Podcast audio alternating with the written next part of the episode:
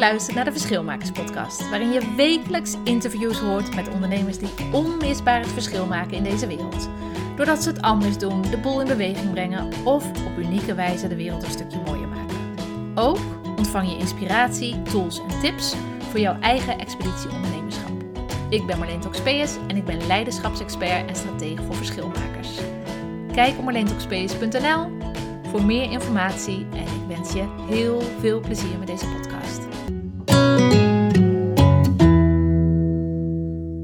Een hele goede morgen deze morgen. En waarschijnlijk heb je al vakantie of hik je er bijna tegenaan. Ik hoop dat je al een beetje ingeslingerd bent in de vakantiemoed. En dat, uh, dat ik en Saskia je vandaag mogen inspireren, zodat je nog meer inzichten krijgt in je hangmat of op, je, op het strand waar je verblijft, of gewoon lekker in Nederland op de camping. Maar dat je geïnspireerd wordt door ons en ons gesprek. Want ik heb vandaag een fantastische gast in, uh, in mijn uitzending. En dat is Saskia Kroes, zuster Saskia. En zij heeft een enorme missie om de zorg te verbeteren. Dit is aflevering 47 alweer van mijn Verschilmakerspodcast. En alweer de zesde keer, ja, het gaat heel snel op de een of andere manier. De zesde keer dat ik het live doe. En waarom heb ik gekozen voor live? Live vind ik echt zo fantastisch dat ik interactie kan hebben met jou als kijker of luisteraar. Uh, en met de kijkers, kijk, kijkers, en met de kijkers dus ook helemaal uh, live. Want je hebt de mogelijkheid om mee te praten tijdens het programma. Dus heb je, uh, ben je er? Laat weten dat je er bent in de comments. Uh, en heb je een vraag of heb je een reactie, gooi het gewoon in de comments. Dan kunnen wij het meteen meenemen in ons gesprek. Dus voel je welkom. Uh, voel je ook welkom om aan te sluiten in het gesprek. En ja, er, zullen vast vragen opkomen deze keer. Ja, ik uh, heb een hele bijzondere verschil maken en dat is Saskia Kroes. Ik zei het al, zij is ja, al jarenlang zuster, zuster Saskia. En ze is um, een jaar geleden ja, was haar missie opeens heel erg helder. En dat is dat ze de zorg wil verbeteren. Hoe dat precies zit, want het knaagde natuurlijk al langer of het borrelde al langer. Uh, maar hoe dat precies echt tot uiting is gekomen en opeens heel helder werd. En dat ze ook de stappen daarin is gaan nemen. Daarin gaan we in op ons gesprek. En ik heb als eerste Um, zal ik eventjes drie overeenkomsten van ons benoemen. En dat is dat we allebei een zoon hebben die Xavier heet. Alhoewel, zij noemt hem anders en dat gaan we zo meteen uh, vragen hoe zij hem noemt.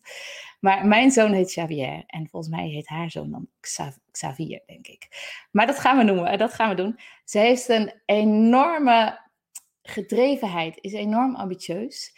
En een andere uh, overeenkomst. Ja, we hebben dezelfde coach, maar dat, dat mag bijna geen overeenkomst heten. Ik denk dat dat al zit in het gedreven en het ambitieuze. Maar ze heeft een enorme missie en daar gaan we nu alles over horen. Ik haal Saskia erbij. Saskia Kroes, welkom. Goedemorgen, dankjewel. Goedemorgen. Hoe noem jij je zoon?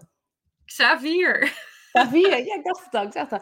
Dat is echt, van tevoren wist ik niet dat er zoveel manieren waren om het uit te, te spreken hier in Nederland. Maar dat, uh, dat komt omdat we natuurlijk ook een echte lekkere melting pot van allerlei talen en culturen zijn. Maar ja, we hebben gewoon een naam, een zoon met dezelfde naam, vind ik zo fantastisch. Leuk hè? Ja. Hoe gaat het met je?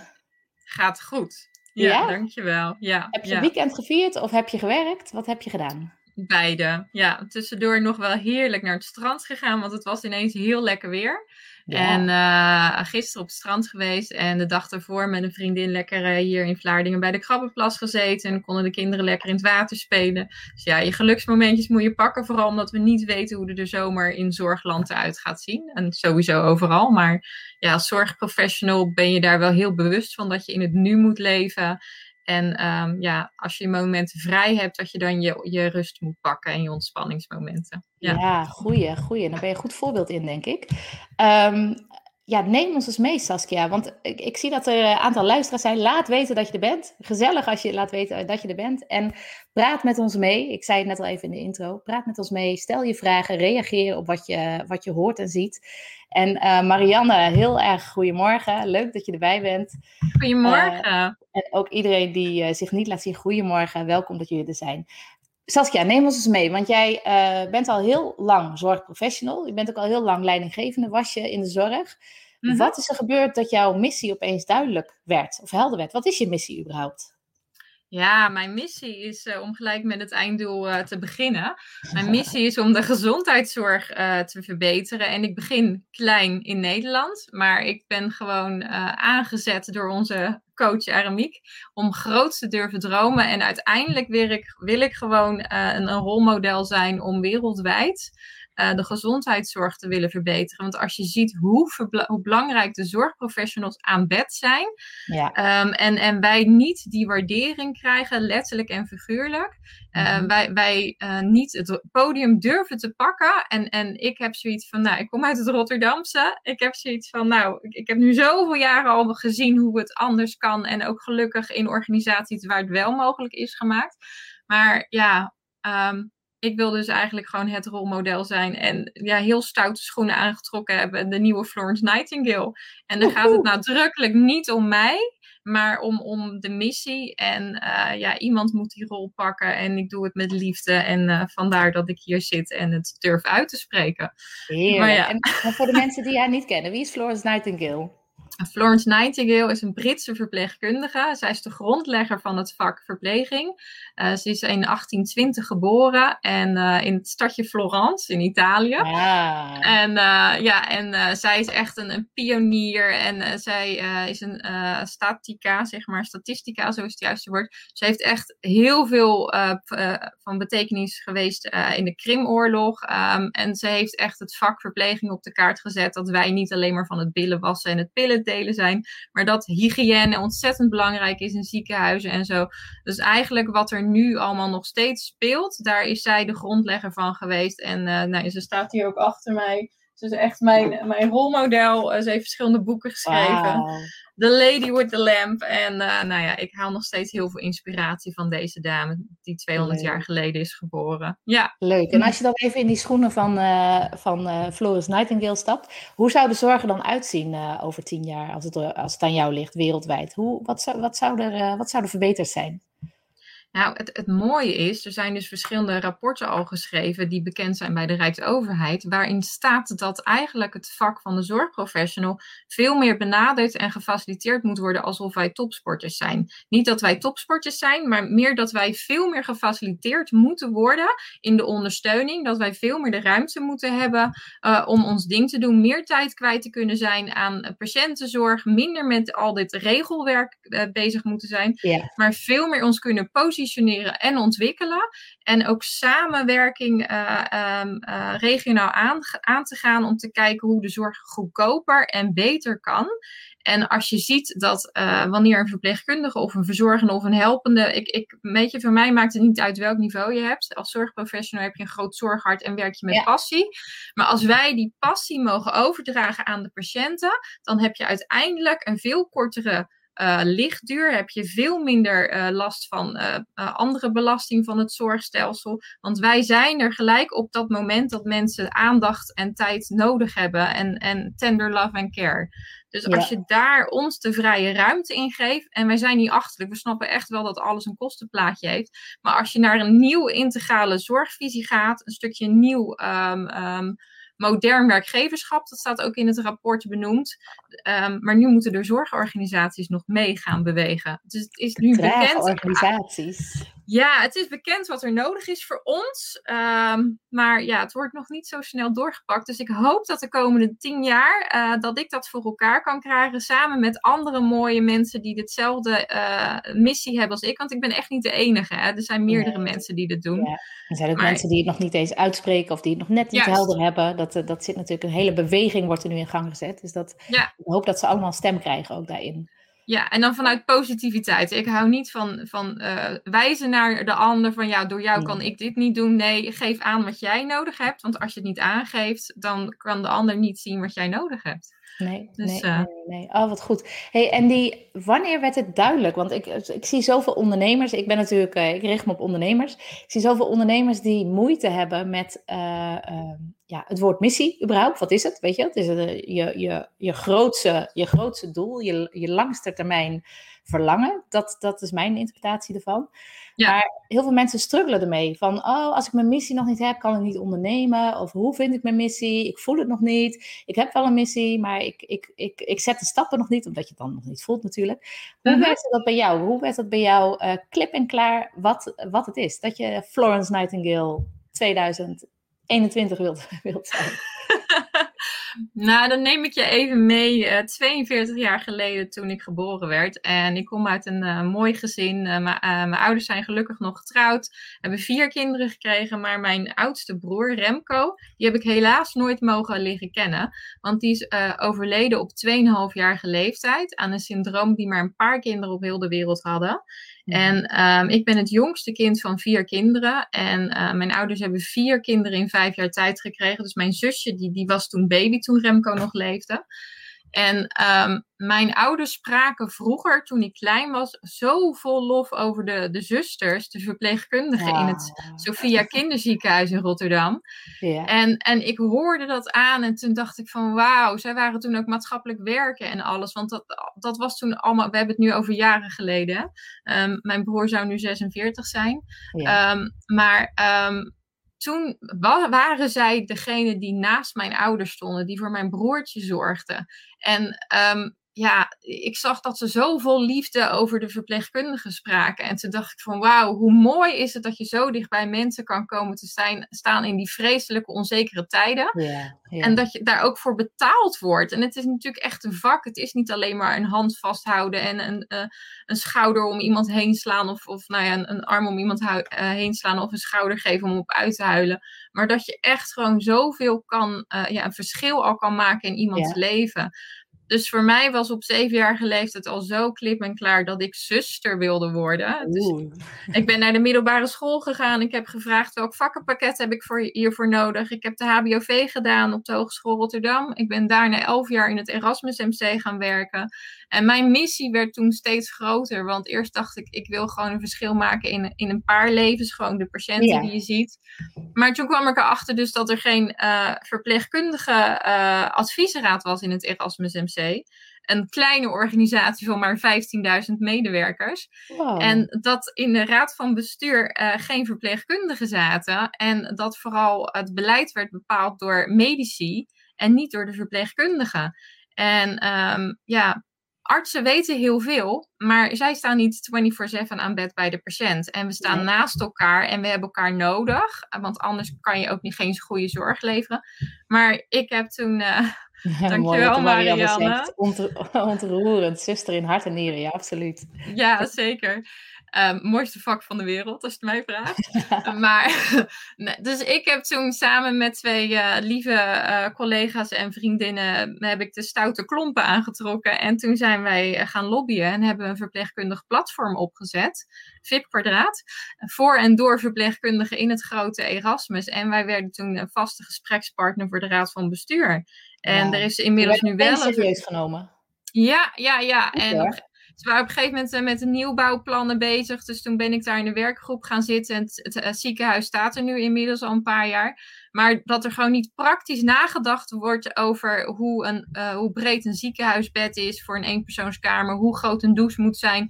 Al die praktische dingen, die worden dan door verpleegkundigen ingebracht. Omdat anderen denken van nou, er wordt wel over nagedacht. Maar beetje zo, beetje zo. Je wil niet weten in hoeveel ziekenhuizen ik ben geweest. Dat een architect echt een prachtig ontwerp heeft gemaakt. Maar wat niet functioneel is voor de zorg.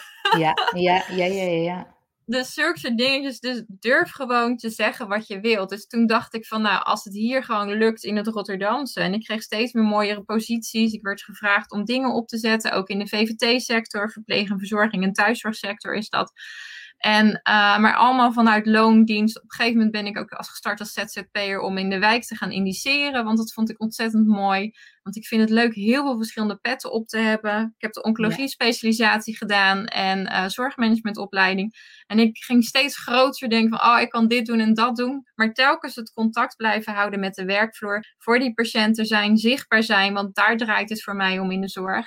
Ja. En nou ja, inmiddels 15 jaar leidinggevende. En toen, um, ja, dit heeft nog allemaal met mijn missie te maken. Op een gegeven moment ging ik uh, uh, een vorig jaar februari een afdeling openen binnen Stichting Humanitas. Het zou een, uh, een kortdurende zorgverblijfafdeling zijn. En nou ja, half maart 2020 kwam COVID in Nederland. En ja, we hadden niet eens en bam, je moet ineens omschakelen en je moet ineens voor COVID-patiënten gaan zorgen. En um, met alle angsten die erbij komen, moet je een team gaan leiden. Met de beperkte middelen die er waren. Want uh, op een gegeven moment zag het er naar uit dat wij met de vuilniszakken om moesten gaan werken. Dus wow. ja, en dan zie je dus dat de ziekenhuizen um, gewoon volledig beschermd hun ding doen. En wij moesten gewoon gaan recyclen en we wisten niet eens welke gevaren er waren. Je ziet dat collega's met bosjes omvallen. Je, je ziet mensen met angst in de ogen staan aan de frontlinie. En er wordt alleen maar geapplaudiseerd en er wordt chocola en bosje bloemen gegeven. Wat heel lief en, en dankbaar is. Maar die waardering, waar is die nu? Nou, en op een gegeven moment kreeg ik zelf COVID en moest ik noodgedwongen um, twee weken in isolatie zitten. Mijn kinderen waren bang dat ik op de IC kwam te liggen en die zagen ook die angst, zag ik in hun ogen. En ik was niet bang voor mezelf en mijn gezondheid. Maar ik dacht van waar ben ik nou mee bezig? Ik word alleen maar klein gehouden. Ik moest alleen maar sturing geven op de cijfers en meer uh, productie draaien. En toen dacht ik, ja. ik werk in de zorg. Productie. Ja, waar is de zorg gebleven? waar is de zorg? Waar is de kwaliteit? Waar is het menselijk contact? En, toen dacht ik, nou is klaar. Voor, die twee weken was voor jou volgens mij, ja, ik ken jou ook als een enorm energiek persoon. Je bent overal, altijd, altijd aan. En uh, dus altijd binnen, ook op social media bijvoorbeeld, binnen drie seconden is er een reactie. Jij staat heel erg aan. Je hebt uitzonderlijk veel energie. Dus dat doe je heel goed. En daarom ben je denk ik ook de, de absoluut perfecte persoon hiervoor. maar toen moest je twee weken op een kamertje alleen liggen. Was dat dan ook de doorslag dat je ook echt even moest stilstaan? Dat je dacht van oké, nu wil ik het echt anders. Of was het meer vanuit de angst van wat had er wel niet kunnen gebeuren? Ik wil nu echt dit. Wat, wat, wat was de drijvende kracht om, om echt die stap te gaan nemen? Nieuwe stap te gaan nemen? Nou, ik, ik ben best ook spiritueel aangelegd. Ik, ik denk echt dat ehm, ik noodgedwongen stilgezet ben om mhm. te gaan denken en te gaan voelen. Want wat je zegt, ik kan gewoon door blijven gaan. Ik heb het geluk heel veel energie te hebben. Maar dat je dan echt lam geslagen in bed ligt, gewoon ziek. En het enige dat is je... een dingetje. Dat je ook niet met je kinderen even kan ravotten. Dat je gewoon echt in die kamer met die deur dicht. Dat is natuurlijk nogal wat. Ja, moet video bellen met je gezin terwijl ze naast je zitten eigenlijk. Maar de deur is gewoon dicht. Ik had nog de luxe dat ik een huis heb met een balkon aan mijn slaapkamer. Dat ik ze in oh, de tuin kon zien. Maar het is zo surrealistisch. En toen dacht ik van, als dit mijn enige leven is, wat wil ik nalaten? En toen dacht ik van, ja, ik vind het zo'n mooi beroep. Maar um, Mensen zijn zo bang in de zorg om hun stem te laten horen. Ik, ik, ik heb zoveel gesprekken als leidinggevende gevoerd met medewerkers. En dat ze heel veel dingen willen, maar het niet durven uit te spreken. En wel het aan mij durven te vertellen, omdat ik die vertrouwensband met hen heb. Maar het gewoon niet grootse durven aan te pakken. Want dan zijn ze bang dat ze geen baan meer krijgen. Of wat zal de partner ervan vinden? Of dit of dat. En ja ook van, um, ja, allemaal van die oude gedachtenpatronen van uh, zoals het hoort, weet je, hoe moet een vrouw, want het zijn meestal vrouwen, hoe moeten zij zich gedragen en, en hoe kunnen ze die omslag maken?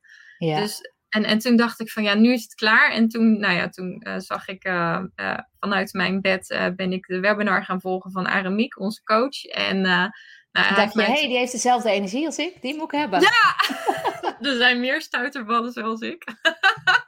Maar, en, en hij heeft me toen aangekregen. En, en toen dacht ik van, wauw, ik, ik kan zoveel meer dan dat ik al dacht dat ik kon. En ik, ik ben het gewoon gaan uitspreken. En ik heb zoveel mooie mensen op mijn pad gekregen. En ook jouw missie is ook prachtig. Dat vind ik echt geweldig. Dus uh, daar hou ik ook ontzettend van. Ja, we hebben een paar andere ondernemers uh, in onze inner circle die ook een prachtige missie hebben. En daardoor voel ik me ook gesterkt dat ik niet de enige ben die zo groot durft te gaan dromen. En ah. uh, ja, dus dank Was je wel wat daarvoor. Er eerst nog, wat er eerst nog misschien ontbrak, dat inderdaad dat stilstaan om ook die stap te kunnen maken en uitgedaagd worden om groot te gaan dromen. En die stappen te zetten vervolgens, want we krijgen echt wel een schop onder ons kont. Ja. Uh, regelmatig. Eens. En, en, maar eerst dacht ik ook van, Um, eerst had ik mezelf een andere rol gegeven. Van, nou ja, je bent moeder, je hebt een gezin, uh, dus je houdt jezelf klein. En niet, dat ik um, zeg maar zo stond, maar ja, ik, op een gegeven moment had ik zoiets van, ja, fuck it. Uh, Sorry voor mijn taalgebruik. Maar dit is mijn leven. Ik ben altijd al een soort van rebel geweest. En, eh, en, en ik hou van mensen en ik wil gewoon heel veel mensen helpen. Als ik nu dit blijf doen op deze manier, dan word ik alleen maar klein gehouden door, door organisaties, omdat ik in loondienst ben. Ik wil gewoon kunnen zeggen wat er echt speelt, zonder bang te zijn voor consequenties. Dus ah, wat eh, goed. Wat goed. ja. Cynthia die zegt Hey, Sim. altijd aan, zeker weten. En alle facetten in het leven. Gezin, werk en familie, super trots op je. De zorg en politiek hebben mensen zoals jij nodig. Niet lullen, maar poetsen. Oh, niet lullen, maar doen, sorry. Doorpakken en gaan. Ah, geweldig Cynthia. Bedankt voor je, voor je eh, opmerking. En ja, voel je, voel je welkom hè, om gewoon te reageren op het gesprek wat we hebben. En eh, op, eh, op de insteek die we nemen. Saskia, je, op een gegeven moment wist je het. Ik wil niet klein gehouden meer worden. Ik wil ervoor gaan, et cetera. Hoe ben jij, want dat is nog zo'n stap hè. Iets weten, dat is hartstikke leuk. Ehm, maar hoe ben je gaan opstaan? Hoe ben je gaan staan? Wat ehm, stappen heb je genomen? Wat waren je eerste stappen? Ehm, ik wil eerst nog even Cynthia, mijn dierbare vriendin, bedanken. Leuk dat je er bent. Echt super lief. Dank voor je, al je jarenlange support. Dus dat even terzijde. Ja, weet je, ik, ik heb een brein en dat is soms niet handig, maar ik ben van eh, gaan. Eh, Ja. Er zit bij mij niet zo'n fase van ja, maar wat dit of ja, ja maar wat dat. Eh, Niet de ik- afweegfase en de draaipuntenfase. nee, nee, nee, nee. Sommige mensen kunnen ontzettend in hun hoofd blijven zitten. En ik heb zoiets, als ik iets wil, dan weet ik gewoon dat het gaat lukken. En dan, dan ga ik er gewoon voor. Dus, Ja. En dan achteraf denk je wel, zoals was dat nou wel zo handig dat je dit of dat gezegd hebt of gaat doen. En denk je van, ja, maar ja, weet je, dan leer ik er maar weer van. En Ja. ik voel me ook daarin een soort van groot kind die heel lang nog in de waarom-fase zit. En ja, een soort van Pippi Langkous. Ik heb het nog nooit gedaan, dus ik denk dat ik het kan. Ja, ja, ja, goeie, goeie. En wat was de eerste stap, de meest concrete stap die je genomen hebt om in beweging te komen? Want mijn visie is, als je, eh, er kunnen wel ja, mensen jaren in die fase blijven waar je net zei van, oh, denken, ah, en eh, zichzelf alleen maar meer angsten aanpraten, omdat het ook de eerste stap niet genomen is. Maar als je maar een heel klein eerste stapje neemt, zeg maar, dan is de boel al in beweging en dan kun je steeds meer stappen nemen. Wat was voor jou, denk je, die allereerste stap als je terugkijkt? Nou, als, als je kijkt, eh, de stap om los te komen heeft zeg maar ook een voorwerkfase gehad. En ik ben dus al jaren geleden gestart met persoonlijke ontwikkeling. Eh, ik ben mensen gaan volgen, eh, allemaal belangrijke mentoren. Maar ik ben ook, is Michael Pilarczyk is op mijn pad gekomen. Dus ik ben heel veel naar zijn podcast gaan luisteren. Verschillende programma's bij hem gevolgd en nu ook het jaarprogramma. Dus je ziet dan dat mensen ineens op een hele mooie manier eh, een stappenplan hebben gevolgd en zo aan hun droom zijn eh, gekomen. Dus op een gegeven moment had ik zoiets van, ja weet je, ik kan wel blijven denken en, en durven en willen, maar je moet het doen, zoals Ben Tichelaar ook zegt. Ehm, dus ik dacht van ja, fuck it, ik ga het gewoon doen. Ik heb het met mijn partner besproken en ja, die heeft mij gesteund, want die wist ook van ja, als ik het niet doe, dan ben ik er kwijt. Ja, een soort dolle stier in huis dan. ja, van nou... eh, Ja. Dus, eh, dus ik heb heel veel bewondering en respect voor hem. Dus dank je wel daarvoor. En eh, ook mijn kinderen die zien ook van... Oh mama, die is zo ontzettend blij en gelukkig. En ze werkt heel veel. Maar ik, ik wil gewoon een rolmodel zijn. Dus ja, mijn kleinste stap is het door te gaan uitspreken. En, en eh, gelijkgestemden te zoeken. En gewoon ervoor gaan. Want ik, ik, op een gegeven moment deed ik werk dat echt als werk voelde. En toen dacht ik van ja, ik heb al twee keer een burn-out gehad. Ik heb één keer een postnatale depressie gehad. Ik ben nu 41, was ik toen. Ik dacht van nee, zo ga ik niet oud worden. D- dit kan niet. En ik wil nu leven. Maar ook van betekenis zijn. Dus ik moet mezelf laten zien en, en mijn, mijn droom delen met de wereld. Eh, want ik zat ook nooit op social media, hè, want ik vond dat niet zo belangrijk. Maar toen dacht ik van, nou, ik, ik moet dat podium digitaal gaan pakken, want dat is de manier hoe we nu communiceren. En helemaal in covid-tijd. Dus ja. eh, En er ja, gebeurde nogal wat toen je eenmaal ging uit, eh, uitspreken. En Jacqueline Zandberg, die ken je vast. Dappere Hey, aanpakker, die zuster Saskia, leren door te doen. Fantastisch. Hi! Dankjewel, Jacqueline. Ja. Leuk. Wat, want toen je het eenmaal ging uitspreken, ik herinner het me nog, dat je toen meteen al wel heel veel respons kreeg. En eh, meteen ook wel een soort van platformen zich openden voor jou om daar eh, Facebook Lives, et cetera, te gaan houden. Of lives in ieder geval. Klopt.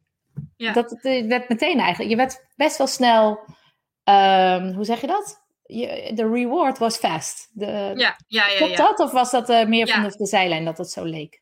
Nee, ik, ik ben, um, uh, waar je net een stukje zei over uh, Jacqueline is trouwens mijn lieve collega bij de Nationale Zorgreserve. Ik oh, leer ook heel veel van haar. Dus uh, ja, het is ook, behoort nu ook een beetje tot mijn inner circle. Mijn gezin is ook dol op haar. En, dus leuk dat je er bent, Jacqueline. En um, um, ja, ik, ik ben dus mensen op de socials gaan uitnodigen, op LinkedIn voornamelijk, want dat was de grootste strategie. En daar mhm. zitten natuurlijk zoveel mensen in de zorg. En toen ben ik benaderd door Tiana Greven, de beheerder van Platform Zorg, die inmiddels bijna 9000 uh, eh, zorgprofessionals al heeft op Facebook. En die vond mijn uh, post zo inspirerend. En ze zegt van ja, ik, ik wil ook geen mensen die negatief zijn en gaan klagen. Ik wil juist jouw positiviteit meenemen naar het platform. En toen vroeg ze dus of ik mijn dagelijkse post daar wilde doen. En op een gegeven moment, uh, ik ben met haar gaan uh, brainstormen van hoe kunnen we nog meer van dienst zijn voor de zorgprofessionals. Ah, leuk. En toen ben ik Facebook Lives gaan doen, uh, iedere avond. en um, dat was zo ontzettend leuk, want problemen die op dat moment speelden, daar kon ik op inzoomen. En mensen hadden daar zo ontzettend veel aan. Um, ja, dus, dus um, ik, ik ben daar nu ook, even kijken. Uh, dus ze heeft me gelabeld als uh, zorgexpert of weet ik veel wat. En je hebt dan verschillende functies binnen zo'n uh, platform. Binnen zo'n platform. En nu zijn we iedere keer aan het kijken van hoe kunnen we het nog beter oppakken. En uh, je merkt gewoon, omdat er toch een bepaalde angst nog is onder, onder zorgprofessionals om zich te laten zien. Gewoon echt van, nou, dit ben ik en ik heb dit probleem. Dus nu zijn we meer um, um, buiten uh, Facebook Live aan het doen, gewoon via een besloten Zoom-call. Dus dat loopt nu ook. En iedere keer kijken van, hoe kan ik jullie nou helpen? Want ik heb zoveel kennis en ervaring. En met elkaar, 9000 man, hè? Hoeveel kennis en ervaring hebben we wel niet?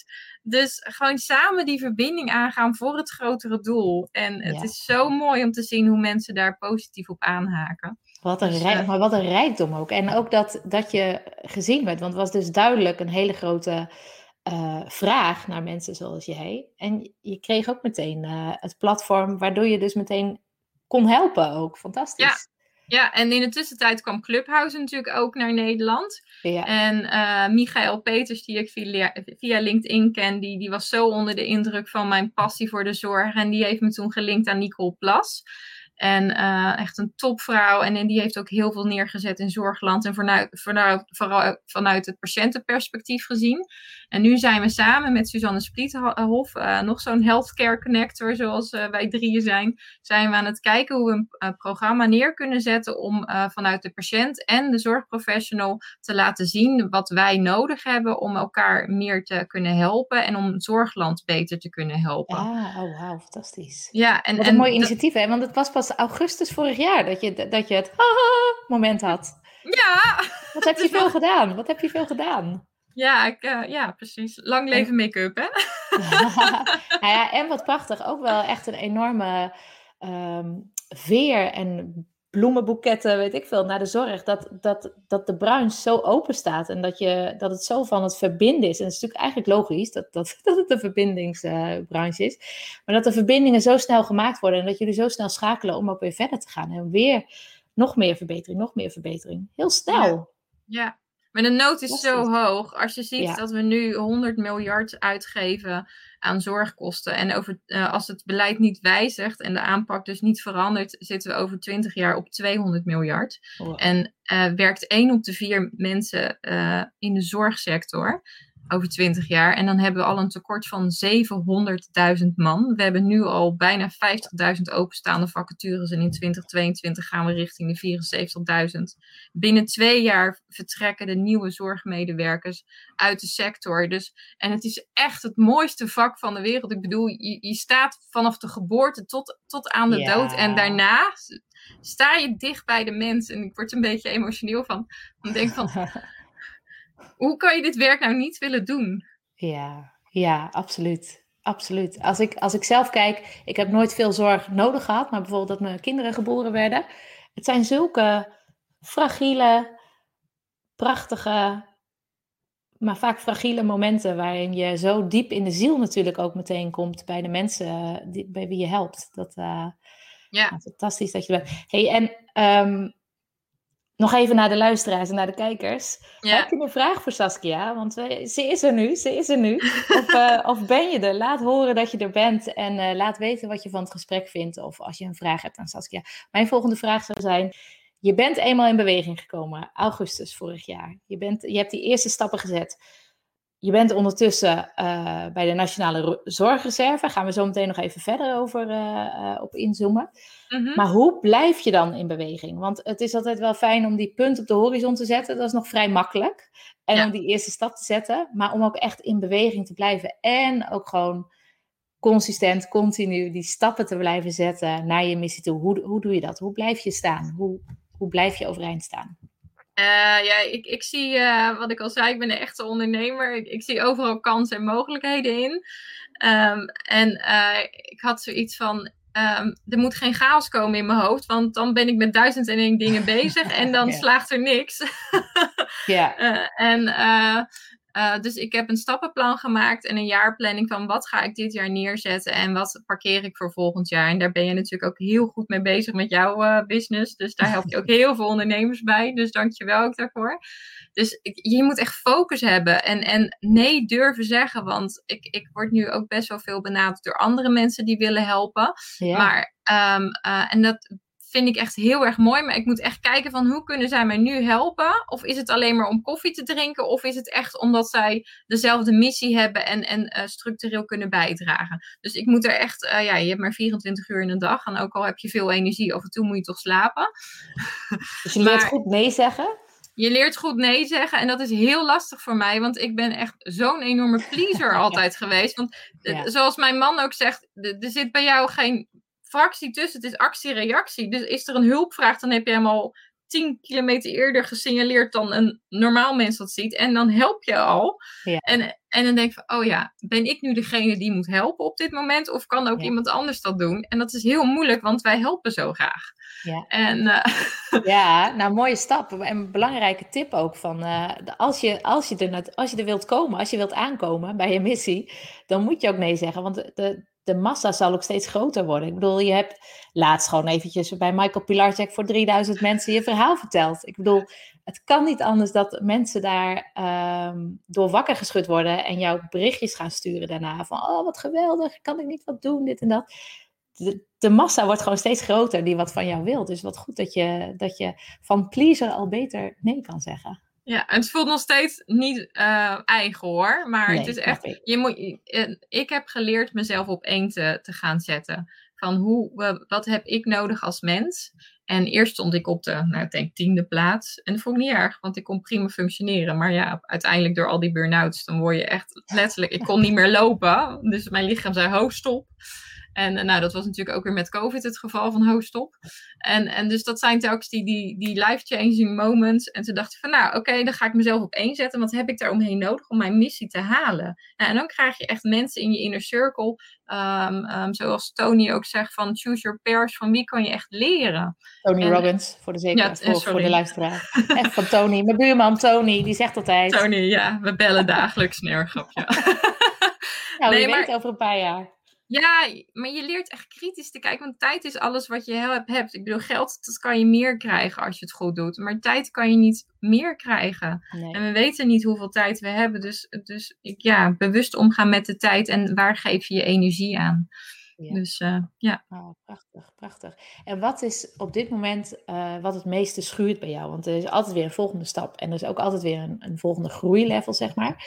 Wat is bij, bij jou op het moment wat het meeste schuurt? Wat nog niet lekker loopt of de les die steeds weer terugkomt? Of wat, wat, uh, wat is dat bij jou?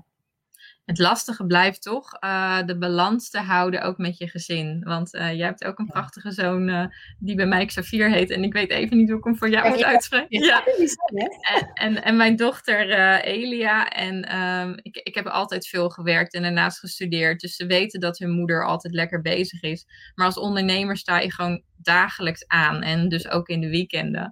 En um, ja, we leven in een tijdperk dat alles gewoon doorgaat. Het is niet meer van, van 9 tot 5, van maandag tot en met vrijdag. Dus echt bewust die, die, die tijd afbakenen van nu ben ik met mijn gezin en nu ben ik voor de onderneming bezig. Dus ja. dat, dat blijft altijd wel schuren, omdat ik altijd die kansen zie. Ja, en dat is natuurlijk ook, in de speeltuin zie je ook weer een kans. Ik bedoel, toch? Ja, en ik, ik praat ook heel graag met iedereen. Dus dan zegt me zo weer, mama, daar ga je weer. En ik denk, oh ja, sorry. Ja, ja, ja. ja. Dus, dus, echt, dat... het, dus wat het meeste schuurt is de, is de balans of de, de, het afbakenen? Wat, wat is... Uh... Mm, ja, beide wel. Dat, dat ik niet als ik in de speeltuin met ze zit weer op social dingen aan het beantwoorden ben. Maar dat ik dan dat ding wegleg. Dus, uh, ja, volledige aandacht. Ja, dat is, ja. ja dat is lastig. We worden dus zo maar blijft ook eens, Ja, maar dat is ook dat stukje pleasen dat er toch nog wel in zit. Van, oh, als ze nu een vraag aan me hebben en die kan ze even snel makkelijk helpen. Dan denk ik van, nee, eigenlijk moet ik hem gewoon dan niet meenemen. Maar ja, dat, ja het is 2021. Je hebt altijd die telefoon bij je. Ja, ja, ja, ja. Wat zou daarin, en Marianne zegt, ik ben ademloos aan het luisteren terwijl ik mijn natuur deze brood, natuurlijk Marianne, ik zijn natuur deze brood aan het maken ben. Haha, Marianne Witmer heeft trouwens ook een prachtige missie, dus zoek dat ook op. ja, zoek haar op inderdaad. Op alle platformen is ze tegenwoordig uh, te bekennen, hè? Instagram niet, En haar man ook. Ja. Ja, ja, ja, zoek haar op. Um, wat zou de, als je het hebt over dat schuren, hè, van uh, afbakenen, volledige aandacht, wat, wat zou daarin jouw volgende stap kunnen zijn? Wat, wat heb je daarin nodig? Wat is je. Um, nou, gewoon toch iedere keer bewust tegen mezelf zeggen dat het oké is dat ik met deze missie bezig mag zijn. En um, ik weet dat uh, mijn dierbaren me steunen. En, uh, maar het, weet je, als je 41 jaar zo'n gigantische pleaser bent geweest, met heel veel liefde, en je zit nu in levensjaar 42 en je bent het ineens anders aan het doen, dan heeft het ook wel even de tijd nodig om dat oké te vinden. Dus ik, het mag voor mij nu ook wel. Uh, dat hoeft niet zwart-wit te zijn, van nu moet je het voelen en dan meer niet. Nee. Dus nee. gewoon uh, nou, omarm je gevoel. Dat, dat, dat, ja, dat hebben we ook wel geleerd. En, en ga er naartoe en, en zit het uit. En ja, weet je. Um, niet te hard ik, voor jezelf. Nee, ik, ik, ik ben ook geen betere moeder als ik dit allemaal niet doe, want dan ben ik niet te genieten thuis. Nee, nee, nee, nee, nee dat is, daar, daar begint het bij. Het uh, zuurstofkapje van, moe, van mama. Precies. Ja. Oh, jeetje, wat, um, wat is jouw grootste verlangen voor de komende vijf jaar? Waar, waar zou je over vijf jaar willen staan? Want je zei al, ik begin klein uh, in Nederland, daarna de rest van de wereld. Als we, dat in, als, we, als we dat in gedachten nemen, waar ligt dan je verlangen? Waar, waar ben je dan? Waar sta je dan over vijf jaar? Met wie, met wie, met wie sta je op het podium? Ja, ik, ik sta je op een podium of sta je juist heel ergens anders? Ja, ik verwacht eind dit jaar, als alle regels het toelaten, al op het podium te staan in Nederland. Samen met Nicole Plas en Suzanne Spliethof. En, en dat we onze mooie missie mogen uitdragen. Dus uh, de dames zijn nu op vakantie. En, uh, dus, maar we zijn al, het, het, zaadje is geplant en we zijn al mooie plannen aan het uit, uh, uitwerken hoe we dat gaan neerzetten. Um, dus ja, ik, ik, hoop gewoon binnen nu en vijf jaar uh, verschillende podia's te hebben bekleed. Uh, om te kunnen inspireren en te motiveren. En te laten zien dat het dus wel mogelijk is om gewoon een vrouw te zijn die moeder is met een jong gezin die al wat ouder wordt. Maar dat je gewoon ook mantelzorger kan zijn, uh, partner, vriendin.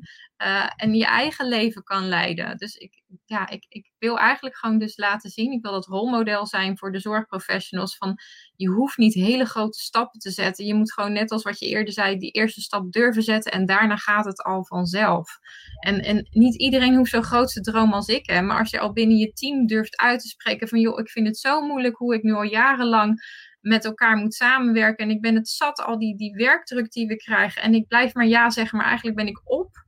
Uh, Hoe kunnen we een luisterend oor voor elkaar zijn? Dat we niet onze trots binnen ons houden van ja, maar ik moet toch voor anderen zorgen.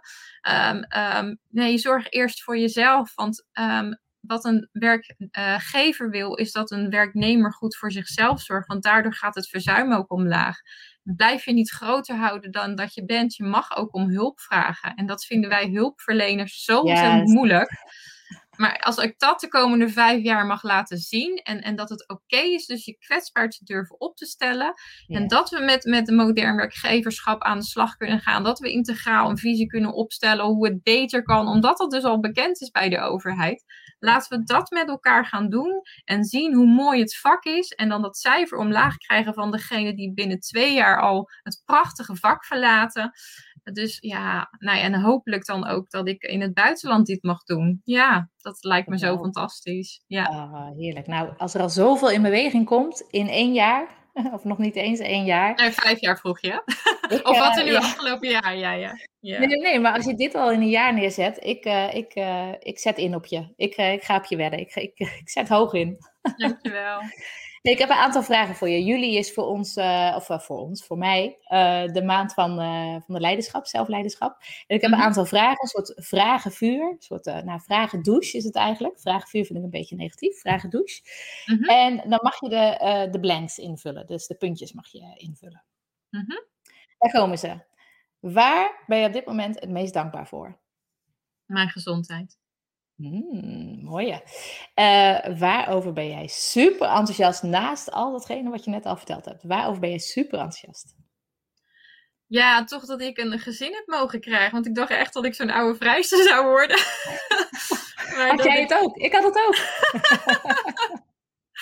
ja, ik heb een hele lieve man en twee fantastische kinderen. Die zijn net zo eigenwijs als ik. dus uh, ja, nee, nee, dat, dat had ik echt niet uh, jaren geleden gedacht. nee. oh, wat mooi dat jij het ook hebt. Het is nog een overeenkomst. Want ik dacht ook op mijn 32e. Het zit er niet in. Komt gewoon nee. niet. Ik ga, wel, uh, ik ga wel alleen kinderen krijgen of iets dergelijks. Zit er niet in. En toch hebben we allebei een Xavier, Xavier. Ja, ja precies. Hey, wie is voor jou echt een absoluut rolmodel als het gaat om een leider? Wie is een absolute leider voor jou die nou, voor iedereen een rolmodel zou moeten zijn, wat jou betreft? Ja, dat blijft echt wel Florence Nightingale. Ja, het, het, is 200 jaar, maar nog steeds zo actueel. En dat is aan de ene kant zo schrijnend. Dat als je ook ziet hoe er nu naar de verpleegkundige en de verzorgende wordt gekeken. Doe maar uh, verpleegkundige of zuster googelen. En dan zie je alleen maar pikante pakjes. Dus ja. weet je, ja, ik draag het met zoveel liefde. Want ik vind het ook zo mooi als iemand mijn zuster noemt. Want dan hebben ze mij nodig. Of het, het, het is niet denigerend bedoeld. Ja, weet je, ik heb de HBOV gedaan en ik ben niet dom. Maar als iemand zuster roept, dat is zo ontzettend fijn. Dat ik denk van, oh, ik kan iemand helpen. En oh, ik ga ook niet als ik ziek ben zeggen, verpleegkundige. dat, dat, nee. dat ligt niet lekker in de mond. nee, nee. nee. En ik snap dat mensen er moeite mee hebben hoor, maar ik, ja, ik niet. Nee, ja, fantastisch hoe, hoe hoog je het draagt ook. Want ik heb naar HBOV gekeken inderdaad vroeger. Dat was uh, aan mij niet besteed. Ik dacht, dit is veel te, veel te moeilijk. Het is echt dit een was vak. Niet, het is echt, echt absoluut een vak. En, uh, en ja, ik hoop dat jullie uh, nou ja, daar steeds meer in erkend en gezien. En uh, dat we niet alleen meer applaudisseren voor jullie, maar dat we jullie echt gaan zien en uh, erkennen daarin. Dat, uh, dat, ik werk eraan mee. wat, is, um, wat is zelfleiderschap voor jou?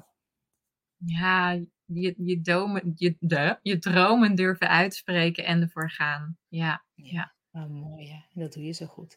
Wat ligt er op jouw nachtkastje? Oordoppen. ja. Voor je eigen gesnurk of voor Sanders gesnurk?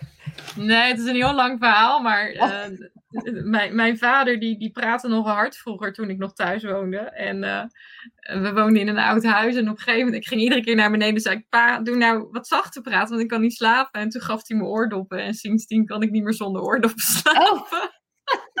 patroontje, er is een patroontje. Ja, het is helemaal niet uh, romantisch verhaal dit, maar... Ligt er ook nog een, uh, een boek toevallig op je nachtkastje? Of juist uh, iets, iets inspirerends? Of is het slaapkamer gewoon uh, lekker nee, om met je oordoppen te slapen? Ja. ja, ik heb nu het boek Think and Grow Rich op mijn nachtkastje liggen. Oeh, ja. dat is wel een zware stof voor op je nachtkastje. Ja, ja. Kan ik ook Welke goed bij les? slapen. Wat zei je?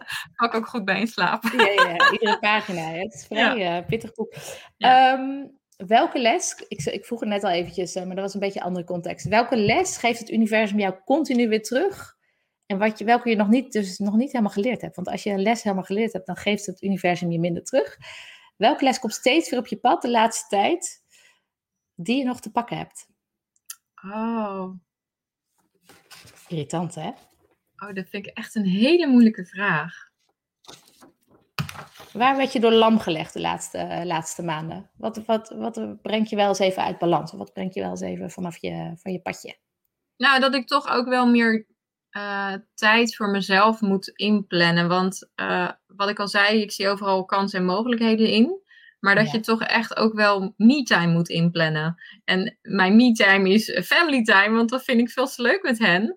Maar soms merk ik wel dat mijn lontje wat korter wordt. En dat ik denk van, oh, oké. Okay. Maar omdat er dan weer zoveel leuke dingen op je pad komen, krijg je weer ja. heel veel energie en inspiratie. Maar um, ja, ik, ik denk dat het dat ontladen. het is.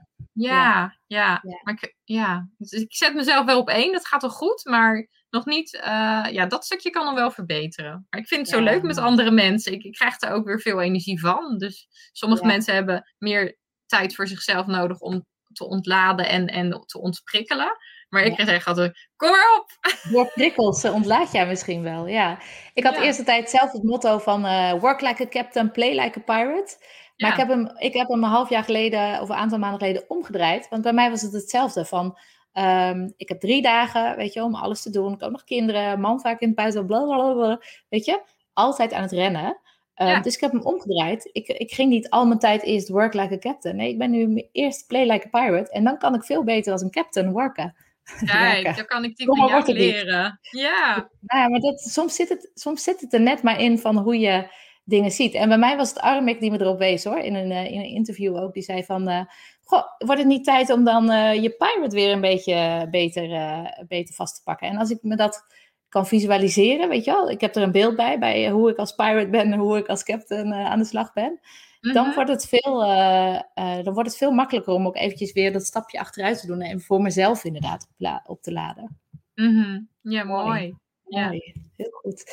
Ja, ik vroeg je net al eventjes waar je over vijf jaar staat, maar we hebben het nog helemaal niet over de zorgreserve gehad. Want dat is echt een hele belangrijke stap die je de afgelopen maanden, denk ik, uh, uh, genomen hebt. Voor de mensen thuis, wat is de zorgreserve? Want dit is ook een platform natuurlijk dat we de mensen een beetje meenemen. Ja. Uh, wat is de zorgreserve en wat, wat doe je daar? Ja, de Nationale Zorgreserve, dat is in het leven geroepen uh, toen de COVID uh, anderhalf jaar geleden in Nederland kwam. En het uh, is een stichting die voortgekomen is uit extra handen voor de zorg. en daar zijn duizenden oud-zorgprofessionals hebben zich aangemeld om in tijden van crisis te helpen in de zorg. En nu zijn we vanuit de overheid op zoek naar een structurele duurzame oplossing om in tijden van crisis, dus echt in crisis, dus niet de structurele problematiek die er ligt, uh, te gaan helpen. En um, ik, ik gaf ook al aan um, dat het, het, had heel uh, mogelijk kunnen zijn dat wij bijvoorbeeld werden opgeroepen om in Venlo het ziekenhuis te helpen ontruimen. Yeah. Om als oud zorgprofessional te helpen het, het, het transport te doen uh, naast de verpleegkundigen en de verzorgenden die al dat heel goed kunnen. Maar je hebt dan extra, extra handen en ook die kennis nodig. Het is niet alleen de handjes dat iedereen kan overnemen, maar vanuit je oude, expertise dat je gelijk direct ingezet kan worden en wil helpen, omdat je gewoon, net als ik, dat zorghart hebt dat 24/7 klopt. Dus daar zijn we nu mee bezig. Jacqueline, die hier net mee op de lijn kwam, uh, die, die helpt er ook bij. Zij is ook uh, community manager. En we zijn nu in het land bezig met verschillende proeftuinen om te kijken dat we een crisissituatie nabootsen van wat is er nodig om naast uh, de zorgprofessional te staan als zorgreservist? Ja. En uh, daar komen zulke mooie dingen uit voort. En uh, ja, COVID-zorg ging weer omlaag. En nu zie je dat, het, dat het weer aan het stijgen is, ook in de ziekenhuizen. Um, um, maar wat er heel lang op een lager pitje is geweest, de, de normale reguliere zorg. Ja. En dat moet nu ingehaald gaan worden. Maar hoe kan je dat gaan inhalen als bijvoorbeeld zorgpersoneel gewoon echt helemaal op is. Als je ziet dat vakanties ingetrokken zijn, uh, dat, dat, mensen gewoon weer een hoger verzuim hebben. En we hadden al ontzettend hoog verzuim in de zorg. Dus um, hoe kunnen wij dan ook bijvoorbeeld een crisis voorkomen? En je ziet nu in het Albert Schweitzer ziekenhuis is er nu ook uh, uh, werkte één zorgreservist op een afdeling, zodat de reguliere zorg doorgepland kan worden. Want anders was daar ook een, ah, zo'n dusdanig tekort aan. Dus dan heb je ook een ander soort van crisis. En dan zie je hoe blij die mensen weer zijn die jaren geleden uit de zorg zijn gestapt, om wat voor reden dan ook. Dat ze nu toch hun steentje bij kunnen dragen. Ja, en daar ook gewoon voor betaald worden. Dus het is geen vrijwilligerswerk. Nee. En Mocht je dit horen en heb je interesse om te werken als zorgreservist, meld je dan aan op nationalezorgreserve.nl en dan neem ik ja. graag contact met je op.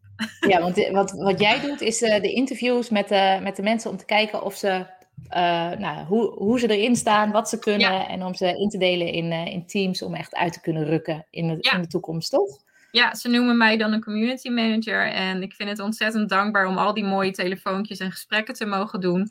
En ik moet wel heel kritisch doorvragen of, of, of ze, ze ook, ook geschikt zijn. Want heel veel mensen zoals ik zijn, uh, die zeggen van ja, ik wil en kan wel helpen. Maar als je dan ziet hoe vol ze eigenlijk al zijn, um, moet ik hen ook beschermen van nou, ik hoor dat je wil helpen, maar volgens mij komt het nu niet uit. Dus uh, kan je beter even die tijd en rust voor jezelf nemen.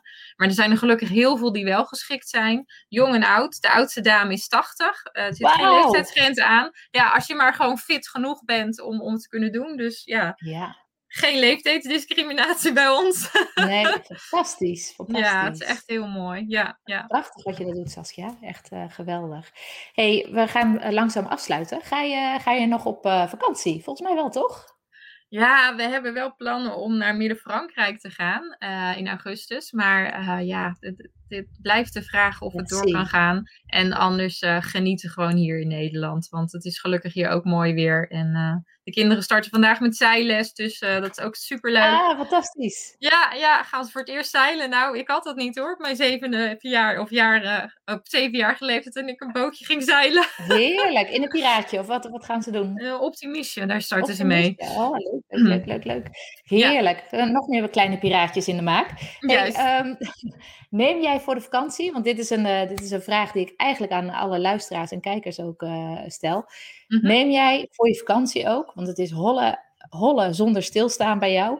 Uh, neem jij voor de vakantie ook tijd om te bezinnen. Wat er gebeurd is, het kan in een gesprek zijn als dit. Maar neem jij bewust de tijd om het afgelopen half jaar, het eerste deel van 2021, te evalueren en daarin je te reflecteren ook. Doe je dat? Nou, daar moet ik heel eerlijk in zijn. Dat doe ik niet. Maar ik ken ah. iemand die daar heel goed bij kan helpen, toch Marleen? Ja, ja, ja. Nou, je, hebt je gelukkig ingeschreven. Nee, want waarom ik het zeg, ik, ik zie dit bij zoveel ondernemers. Want, en vooral bij de moeders natuurlijk, met, uh, uh, met, met jonge, jonge gezinnen. En misschien ook wel met oudere gezinnen. Maar gewoon zoveel ballen in de lucht dat je, dat je al blij bent als je vakantie bent. Dat je een week later, als je al een week op vakantie bent, dan kom je waarschijnlijk aan op vakantie. Heb ik het goed? Heb ik het goed? maar, dat daarin, uh, maar dat daarin ook zo'n belangrijke stap vergeten wordt. En dat is uh, tijd te nemen voor evalueren en reflecteren. Wat ik daarvoor bedacht heb, is dat ik een, uh, ik heb een zomer-evaluatiepakket ehm, gemaakt. En dat is een stappenplan. En um, ik zal hem er even bij pakken. Een stappenplan is dat. Uh, maar daar hoort morgen, uh, doe ik daar ook een blueprint sessie bij. Die was eigenlijk vorige week donderdag uh, gepland. Maar ik had een keelontsteking, dus kon niet praten. Nu kan ik weer een stuk beter praten. Um, dus morgen is er een online sessie voor al die vrouwen die het anders misschien gewoon wel eigenlijk niet gaan doen met een stappenplan. Want, en omdat het ook gewoon leuk kan zijn. Evalueren klinkt heel suf, toch? Net zoals focus ja. klinkt ook heel suf. Ik bedoel, alles waar ik me mee bezighoud, wat ik mijn, uh, mijn klanten wens, dat klinkt heel suf. Dus ik wil het leven in de brouwerij brengen en het gewoon heel leuk maken. En daarom heb ik de blueprint sessie. Hieronder zie je de, de link. Naar, dan, als je daar naartoe gaat en je schrijft je in, dan ontvang je een stappenplan. En dan kun je meedoen aan de sessie morgen. En dat is marleentoxps.nl slash blue. Yes. hey, als ik mensen meer ingeschreven, ja. Ja, ik zag, ik zag je gaan, zag je gaan. Ja. Als mensen meer over jou en over je mooie werk uh, te weten willen komen, waar kunnen ze jou vinden? Uh, op alle socials via Saskia Kroes, dus uh, lekker makkelijk. Ja, zonder E. Vroeger schreef ik dat met E namelijk, maar het is uh, zonder e. Saskia Kroes. Gewoon Hollands, heel kort. Ja, ja, ja. ja, ja. Nou, super bedankt voor je tijd. En voor Dankjewel je, dat ik hier mocht zijn. Echt super leuk. Ja. Ik sta natuurlijk al een jaar naast je en loop ik met je mee. Dus het is dan zo leuk om ook die vragen te mogen stellen. En omdat ik al weet van, oh, je kunt andere mensen wat aan hebben. En dit is zo mooi. het is zo mooi wat je doet, Saskia. Het is echt uh, fantastisch. Al die stappen die je neemt, het enthousiasme wat je, wat, je mee, wat je meebrengt. En hoe je ook mensen uplift. Iedereen in je omgeving lift jij up. Dankjewel, ik word er stil van. Ja, nou, dat, dat mag ook, want dat, uh, dat doe je. En dat is waarschijnlijk jouw grote zorg maar dat ben jij ook gewoon als mens. En uh, bedankt dat je bij me was. Wij gaan zo meteen nog heel eventjes verder, maar we gaan dit vast afsluiten.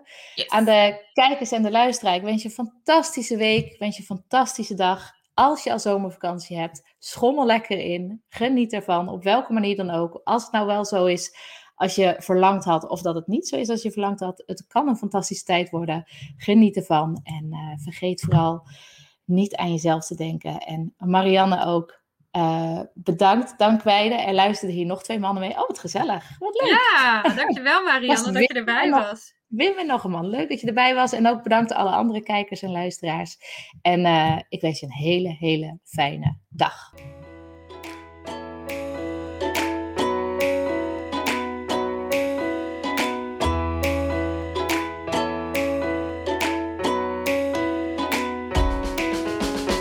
Hey, ja, ik ben dus super benieuwd wat deze podcast-aflevering bij jou in beweging heeft gezet.